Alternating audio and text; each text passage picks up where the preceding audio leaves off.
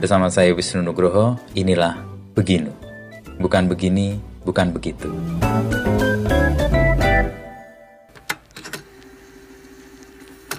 Selamat datang di Beginu Wrap Up Episode. Babak ini dibuat untuk merangkum kisah perjalanan Wisnu Nugroho bersama beragam narasumber untuk kilas balik bersama.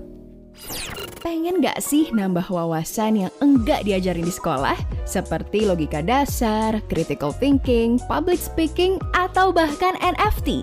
Kuy, dengerin podcast Obsesif yang akan membahas seputar pengembangan diri dan soft skills khusus buat kamu. Persembahan Media Podcast Network by KG Media, hanya di Spotify. Kali ini kita membahas tentang kisah perayaan rasa kecewa dan berenang dalam ketidakpastian. Merangkum pembahasan kali ini, kita harus melihat kembali kisah Wisnu Nugroho bersama Marjuki alias Kill the DJ. Marjuki berkisah tentang aksi bermusiknya yang dirangkum dari peristiwa dan kisah sejarah. Pelantun kewer-kewer melekat dengan lagu-lagu yang sederhana tapi syarat pesan. Marjuki berkisah saat lagunya Kewer-Kewer atau lagu Jogja Istimewa bersama Jogja Hip Hop Foundation adalah kesederhanaan. Marjuki memasukkan elemen sederhana untuk lagunya yang justru menjadi keistimewaan hingga disukai bayi dan anak kecil. Sementara itu, pandemi memberikan ruang ratapan bagi Marjuki. Salah satunya adalah tentang siap kehilangan, Marjuki ingin hidup yang sederhana dan siap untuk hilang. Salah satu pengingatnya adalah siaga Gunung Merapi.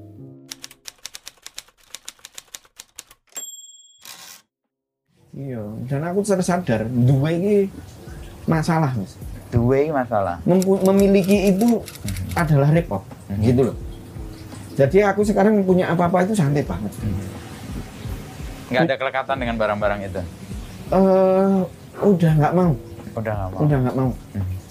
Maksudnya aku bosen bosen karo karo mobilku kudu piye. Eh, dan kuwi wis kaya gojekan wae ngono kan. Pitku kudu piye iki ning pemikiran iki ono ning imajinasi secara visual, secara gaya ono tapi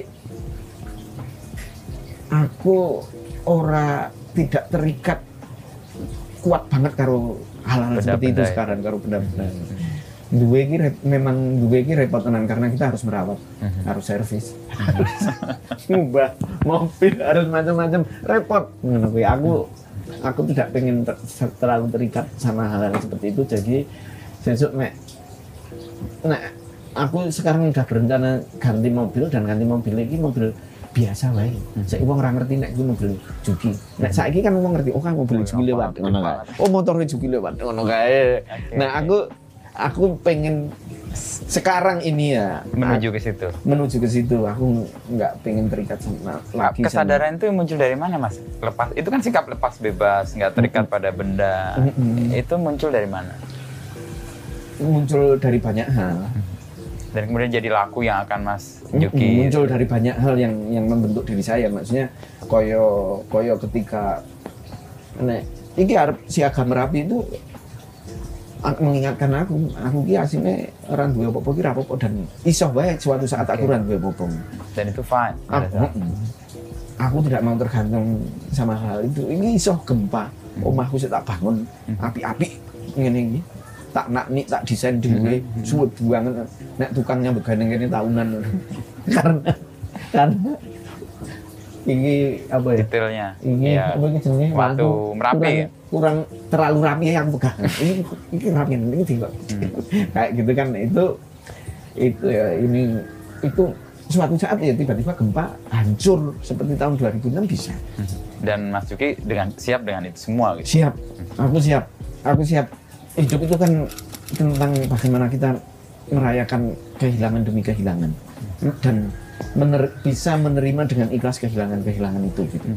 Kehilangan apa pun. Oke. Karena prinsipnya kan ngenteni mati. Urip ini ngenteni mati sehingga ya ora itu kok mati. Dan mati ka- dia kehilangan hi- kita kehilangan hidup. Mati adalah kita kehilangan hidup gitu.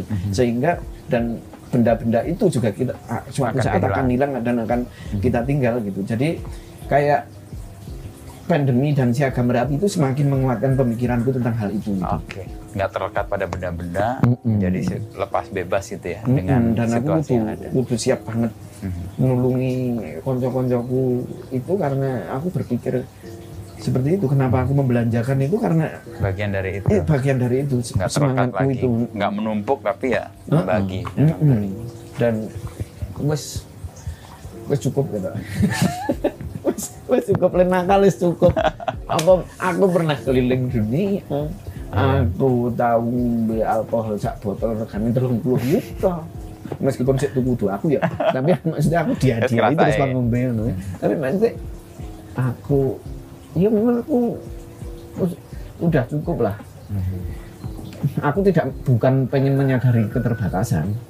Aku menyadari tentang eh, keikhlasan untuk kehilangan gitu loh keikhlasan untuk kehilangan dan dan semakin kita eh, ya pokoknya semakin kita ikhlas ke situ kita nggak pernah punya ketakutan dalam hidup Ya, ya. Saya baru paham konek ke yang eh, terus setelah bekerja jangan berharap pada negara itu kan Iya. proses kehilangan. Iya. Tapi kita nggak menangis, kita menertawakan setelah- dan melakukan sesuatu. Iya. proses yang biasa. Hilang, kecewa, Mm-mm. tidak lagi menaruh harapan di situ. Jadi kecewanya ini ojo kukeh lah wong wis ngerti nek bakal kehilangan. Ya, ya, ya. duwe ya. apa wae bakal kehilangan. Nek duwe barang eman-eman dinggo iki kan aneh. Aku beli kamera. Mahal bang. Eman-eman dinggo. Iya, terus nggak apa. ngopo kan sayang. Aku beli motor bagus. Eman-eman jatuh. Mhm. ya ya gimana? Punya mobil double cabin kayak gitu tapi ora itu gue Double cabin ya.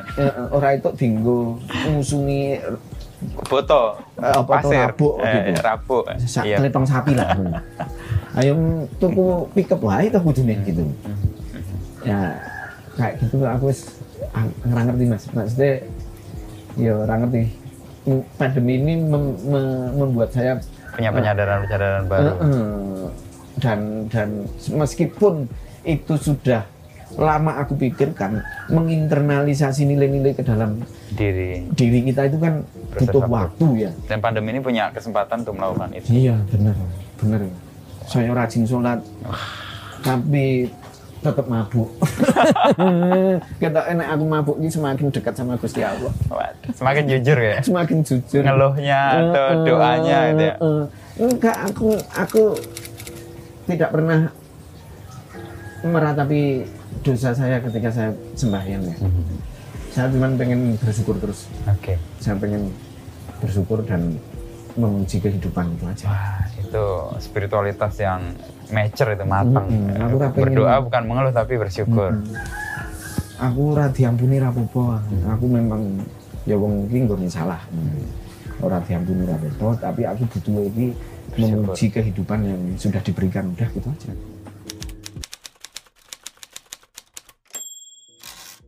Selanjutnya adalah Jason Ranti. Saat itu perbincangan Wisnu Nugroho bersama Jason Ranti berlangsung panjang. Amat sangat panjang. Dua setengah jam mereka lalui dengan kisah nyanyian angsa, puisi karangan W.S. Rendra. Kisahnya berlanjut hingga mendalami proses kreatif Jason Ranti dan momen awalnya semakin dikenal karena musikalisasi puisi milik Sapardi Djoko Darmono. Seniman ini berujar soal album ketiganya juga bersama Wisnu Nugroho. Album yang disebutnya sebagai bentuk lambangnya atas ketidakpastian. Jason menekankan album ketiga ini datang tidak hanya dari pikir, tapi juga dari olah hati. Paduan yang membuat album ini semakin utuh bersama batin Jason Ranti. Mendapat kesempatan khusus, kita dan Wisnu Nugroho dapat mendengar beberapa lagu dari album tersebut. Merangkum kisahnya, mari dengarkan pandangan JJ atas peran musik untuk peradaban.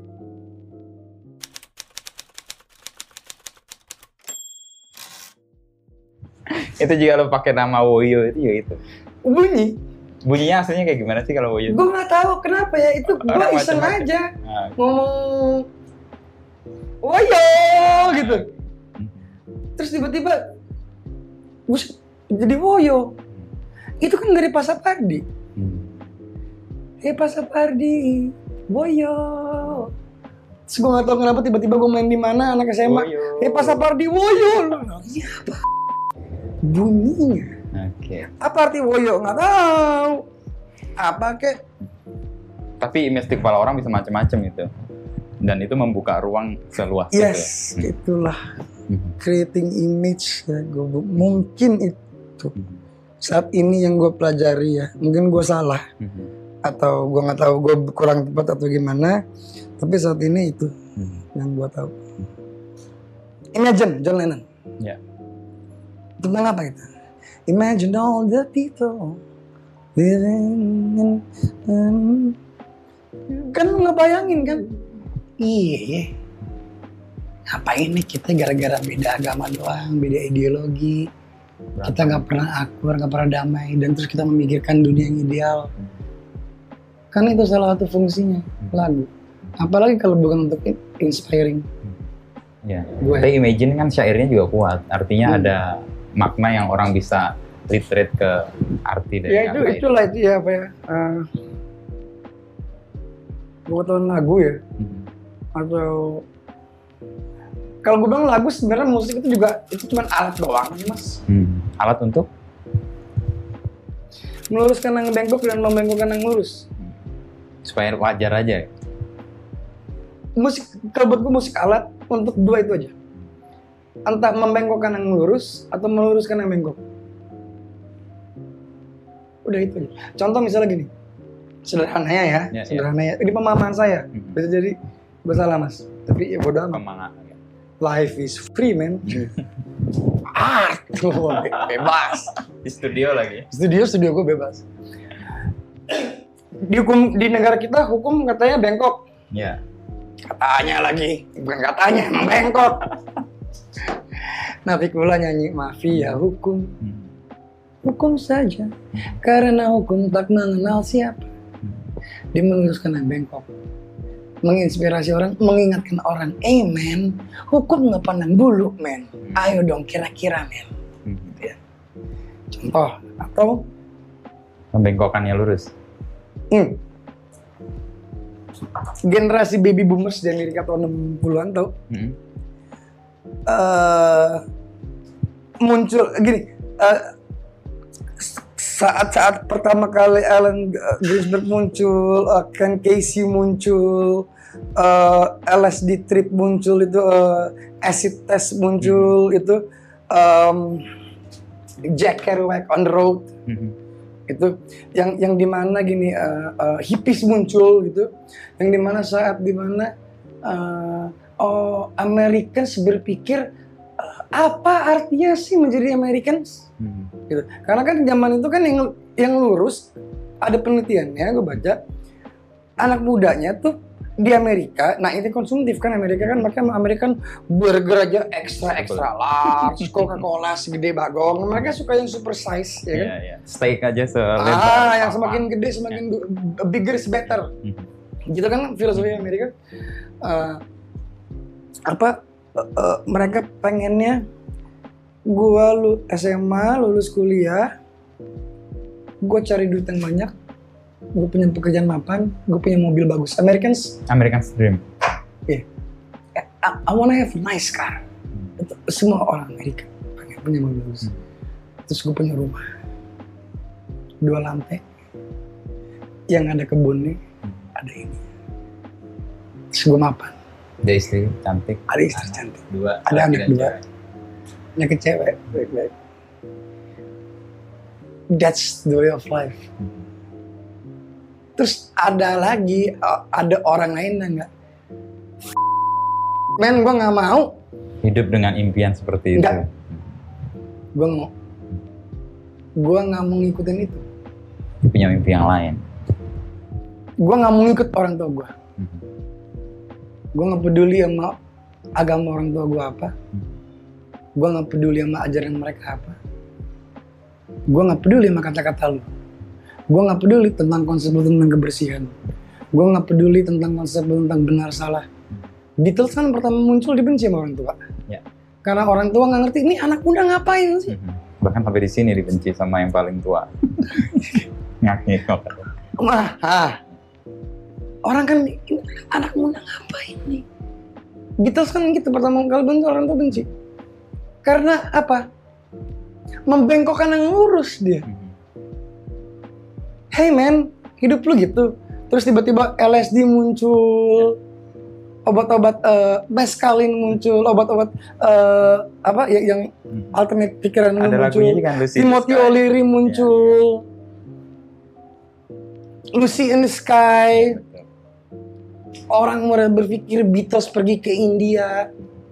Sesuatu yang crossing yang nggak bahwa Oke. oh hidup tuh ternyata nggak cuman lu lahir SD SMP SMA kuliah lu kerja. cari kerja mapan pakai baju yang bagus pakai jas ya. Punya duit banyak biar lu bisa makan steak yang gede banget enak. Bisa combo triple combo. Ntar lu punya tabungan punya deposito. Hmm. terus lu punya rumah. Udah gitu aja terus ntar lu mati. Dadah orang ada yang nggak kok nggak mau ah kayak gitu ah. Itu bukan gua. Dan musik berperan di situ? Membengkokkan yang lurus atau meluruskan yang bengkok tadi. emang kalau nggak ada musik ada hipis gimana? Ya, gimana? Hmm. Jadi musik kayak kontrol sosial ya, J. apa? Kayak kontrol untuk sosial isu atau sosial apa yang sedang. Hmm, hmm. seperti cermin ya bisa juga dia alat untuk menobrak sistem tapi gua nggak- percaya bahwa seni bisa membuat dunia lebih baik nggak juga gua nggak percaya itu ya pandangan naif gue bilang Oke.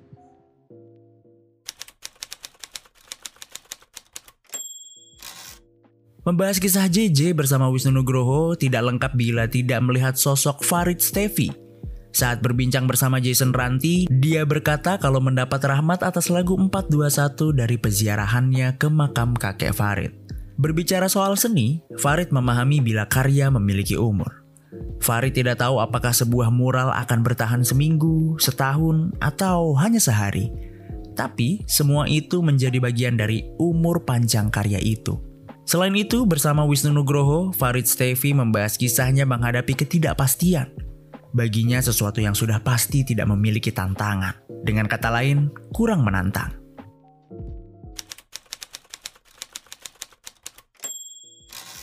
Itu yang saya maknai juga ketika uh, saya punya karya gitu atau sebuah uh, ya misalnya kaos lah yang Mas Farid kan sekarang main di Good Bad Print. Ya. Suatu saat pasti akan fading lah, akan luntur dan sebagainya. Tapi Ya. justru ketika itu luntur kita pakai menjadi sesuatu.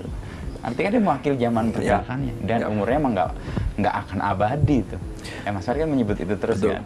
It- itu juga juga kenapa dulu saya suka banget dengan dengan uh, kerja di saya mulai seni rupa di Jalan Mas street Oh, art kan Mhm. street art kemudian agak belakangan kemudian banyak main uh, di tembok mural gitu mhm. ya karena di di mural satu di jalan itu kayak ya karyamu bisa berumur dua jam Iya. atau bisa berumur puluhan tahun gitu Oke. dan itu ketidakpastian yang menyenangkan menurutku gitu Ah, sih ketidakpastian yang menyenangkan ya. apa ya eh, ketika kamu tahu ini semuanya pasti gitu kan Mhm. jadi sedikit Nggak seru, kan? iya ya maksudnya jadi berkurang menyenangkannya gitu ketika sudah tahu semuanya gitu. Mhm. hal yang misterius Mhm. yang soft Mhm. baik itu porn baik itu apa gitu kan kadang-kadang lebih lebih menyenangkan Sekarang masih main street art, Mas? eh kalau literal tidak Tidak. literal tidak tapi sebenarnya ideologi kerja di jalan itu masih Dia ya jalannya di masih hidup. saya jalani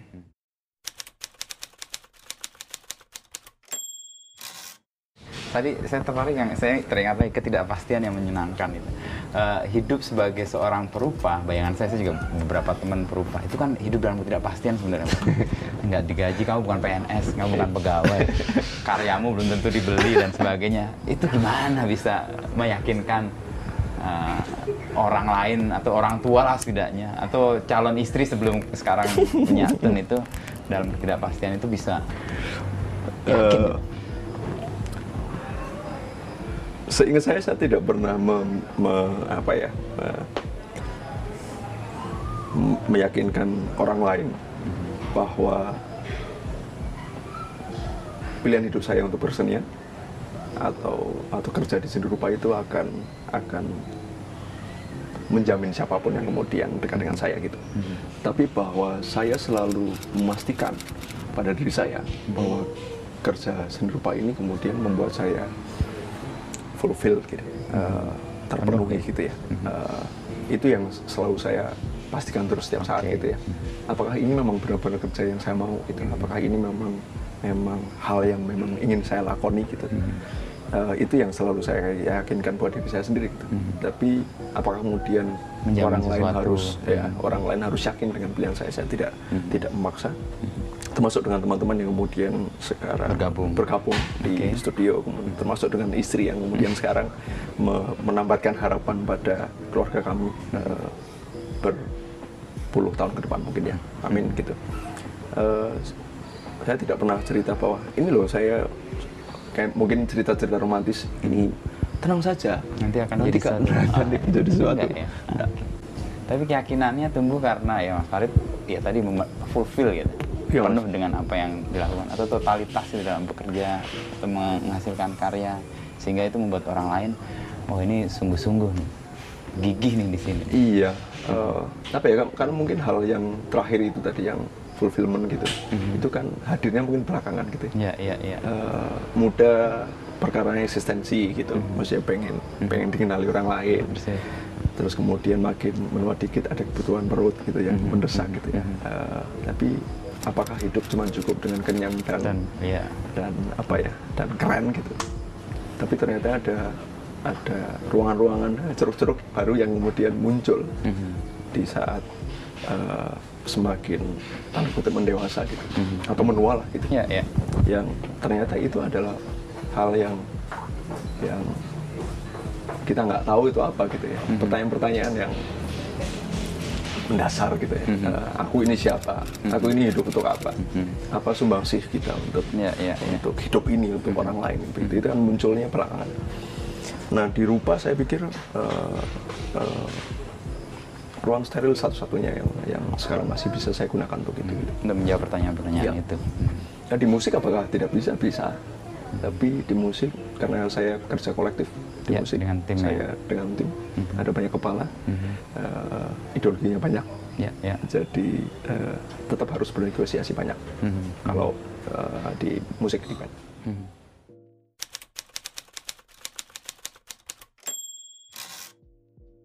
Kemudian langkah terakhir, berlabuh pada kisah Erik Sukamti dan pengertian takdir. Erik melihat hidupnya sudah memiliki jalannya tersendiri. Memiliki pengalaman mampir menjemput ajal beberapa kali menjadi latar belakangnya memiliki pemahaman itu. Pengertiannya dengan takdir kemudian membawa obrolan kepada masa sekolahnya. Masa saat Erik harus menghadapi sekolah dengan kurikulum tertentu. Lantas, kegagalan masa sekolah mendorong Eriks membangun sekolah dengan kemasannya sendiri. DOS University kemudian menjadi bentuk perlawanannya terhadap sistem pendidikan Indonesia.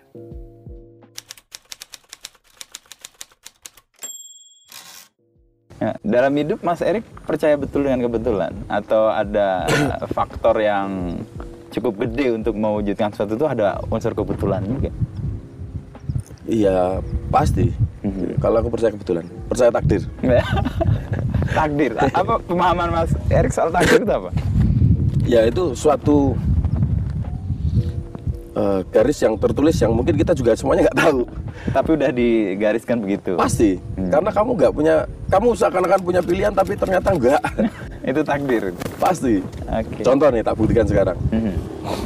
Usiamu berapa? 45. Mau ke 46 nggak? Kalau mau mau pasti. Nah, bisa nggak kamu bikin umurmu 46 atau stop di 45? Nggak bisa. pasti. Kenapa? Karena ada hal di luar kendali saya yang saya juga nggak iya, tahu. karena belum waktunya ternyata. Mhm. Aku pun juga begitu. Sudah mau KO naik motor nggak jadi-jadi. Sudah mau habis di laut nggak jadi-jadi. Terakhir habis kecelakaan pesawat nggak jadi-jadi. Karena emang belum waktunya kan Emang tadi. belum waktunya. Oke. Bukan karena aku jago ngendalin pesawat orang pas balik-baliknya Mati. mati juga aku tak giniin kok. Aku pegang kamera. Karena belum takdirnya ya itu nggak terjadi. gitu ya memang belum waktunya jadi makanya semuanya nggak tak ambil pusing dan nggak terlalu berat untuk menjalani karena ya aku percaya takdir Hmm.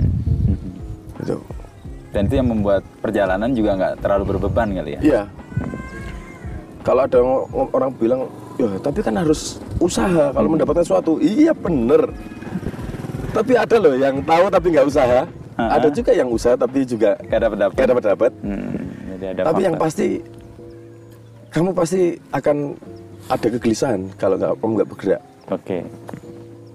gitu. Udah tahu besok Nggak bisa makan, Bisa nggak makan, ngapa-ngapain. pasti kamu ngapa-ngapain. Mhm. Udah tahu kalau besok kamu pengen jadi ini, pengen jadi itu, berarti harus begini harus begitu, ada step-step yang harus la- jalani itu, pasti kamu nggak akan bisa tidur. Mhm. Gitu. Ada juga yang penting peluangnya gede kok aku bisa tidur ya memang berarti bukan jatahku juga, nyatanya lewat-lewat aja. Kalau dalam perjalanan karir Mas Erik kan Mas Erik muncul dan kemudian dikenal publik dengan sukamtinya ya. Ya. Ada faktor itu juga. Selain kegigihan, keinginan Ya. tampil dan kebetulan atau Ya. takdir tadi. Kalau aku jawabnya sekarang ya Mungkin gampang ya. aja, mungkin. Kalau dulu nggak tahu. ya takdir kan selalu setelah terjadi ya. Kalau Ya. belum kan kita semuanya nggak tahu. Mhm. Se- jadinya mungkin gitu ya. Jadi seakan-akan kita punya pilihan, Mhm. padahal enggak, Hmm. nggak punya. Hari ini aja sebenarnya kamu punya pilihan loh untuk mengakhiri hidupmu. Mau banyak jurang. Hmm. Coba kamu niatkan, bisa nggak? Ini mumpung kameranya roll semua nih. Bisa viral. kan mudah tuh. Iya. Kalau bener-bener itu ada di tanganmu Iya. loh, kamu bisa berubah takdir atau Persis. hidupmu itu kamu di apa? Karena kamu usahamu, gitu. coba itu coba diakhiri. Ini obrolan eksistensial ini. Kalau. Filsafat soal hidup ini. Jadi kita nggak bisa mengendalikan semuanya meskipun mau kadang-kadang ya. Iya. Mhm. Tapi memang seakan-akan kita punya pilihan. Nah itu. Seakan-akan itu yang membuat kadang-kadang kita ngerasa besar ya. Padahal Iya, nggak. iya. Mhm. Jadi ya jangan sombong ya, gitu. Nggak boleh sombong itu mungkin karena itu, Mhm. bukan karena kesombongan itu kadang merendahkan orang lain, tapi ternyata jerih payah yang kita lakukan kemarin tuh ternyata emang sudah ditulis. ternyata bukan faktornya bukan karena aku doang ya. Ya, gitu. ada faktor lain. Iya, Itu juga Mas Erik memaknai perjalanan ketika dulu sekolah. Lalu kan iya, tidak selesai gitu ya. Hmm. Terus kemudian menjalani sesuatu malah menjadi yang lain gitu. iya. Bisa jadi bisa bikin sekolah, Mhm. ya, bisa ya bisa membantu teman-teman yang pengen sekolah, Mhm. pengen kerja. Nah dipikir-pikir wah ra mungkin mas, ratekan otakku, Mhm. ya kan? Iya. Sopo aku, gitu. skillku juga nggak ada untuk bikin sekolah. Mhm. Uang juga dari mana? Nanti pikir-pikir ngurusi birokrasinya gimana, surat-suratnya ngurus izinnya gimana, wah ratekan ya mbak pikir mas. Mhm. Tapi faktanya kita udah jalan 6 tahun loh Das University itu, Iya. 8 generasi. Mhm. Dan pikiran Mas Erik untuk membuat Das University itu karena merasa mau membayar sesuatu di masa lalu atau membantu orang-orang Lebih di ke sekitar? dendam pribadi sebenarnya. Apa nih dendam? DO itu. Aku membaca Das University itu DOS University. Jadi Iya, DO tuh cool. Aku membaca gitu kan. DOS kan. itu juga bisa. Oh bisa, boleh ya saya boleh, bikin, boleh. bikin pemaknaan gitu. Boleh. Oke, apa dendam pribadi gimana? Kalau passionku kan musik ya. Persis, ya. Passionku musik dari SMP itu nggak diberi kalian lain selain musik. Hmm. Nggak punya pilihan lain selain musik. Seakan-akan memang takdirku musik. Seakan-akan. Seakan-akan. Ya. Maka aku putuskan untuk seakan-akan aku memutuskan untuk Bermusik. sekolah di Oke, sekolah musik oke. tepat ya. Ya, ya.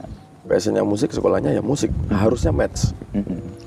Tapi kan ternyata tidak. Oke. Takdir berkata lain. Belum selesai menyelesaikan Eh, harus ternyata keluar. memang tidak bisa menyelesaikan sekolah. Hmm. Gitu. Sekolah musik itu namanya SMK. Mhm. Itu kan berarti ada kurikulum ya. Mhm. Sistem pendidikan Indonesia itu kan kurikulum. Dan Iya. itu wajib tidak hanya musik aja, kamu harus bisa matematika, Mhm. pelajaran yang lain. Nah, itu wajib toh. Mhm. Gagal aku di sini.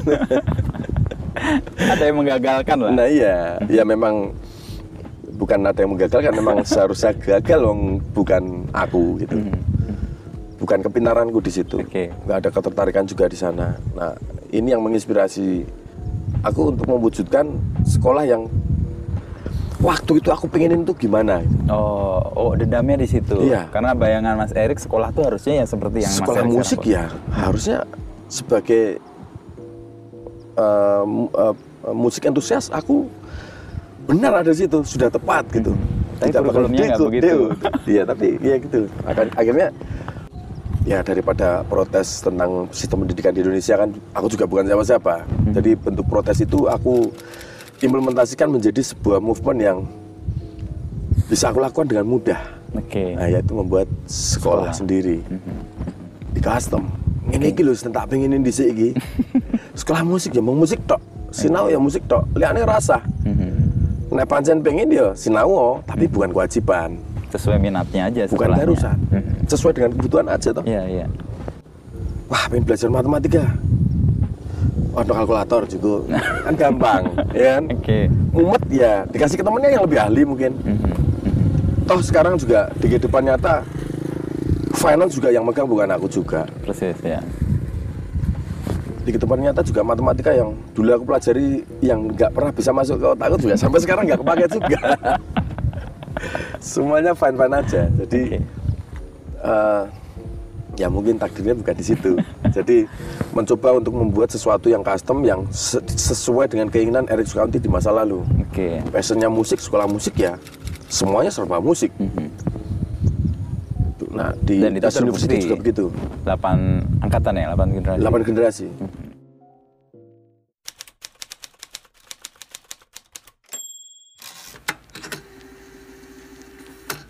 Demikian rangkuman kisah perjalanan Wisnu Nugroho bersama narasumber inspiratif. Nantikan begini wrap up episode lainnya. Terima kasih sudah mendengarkan.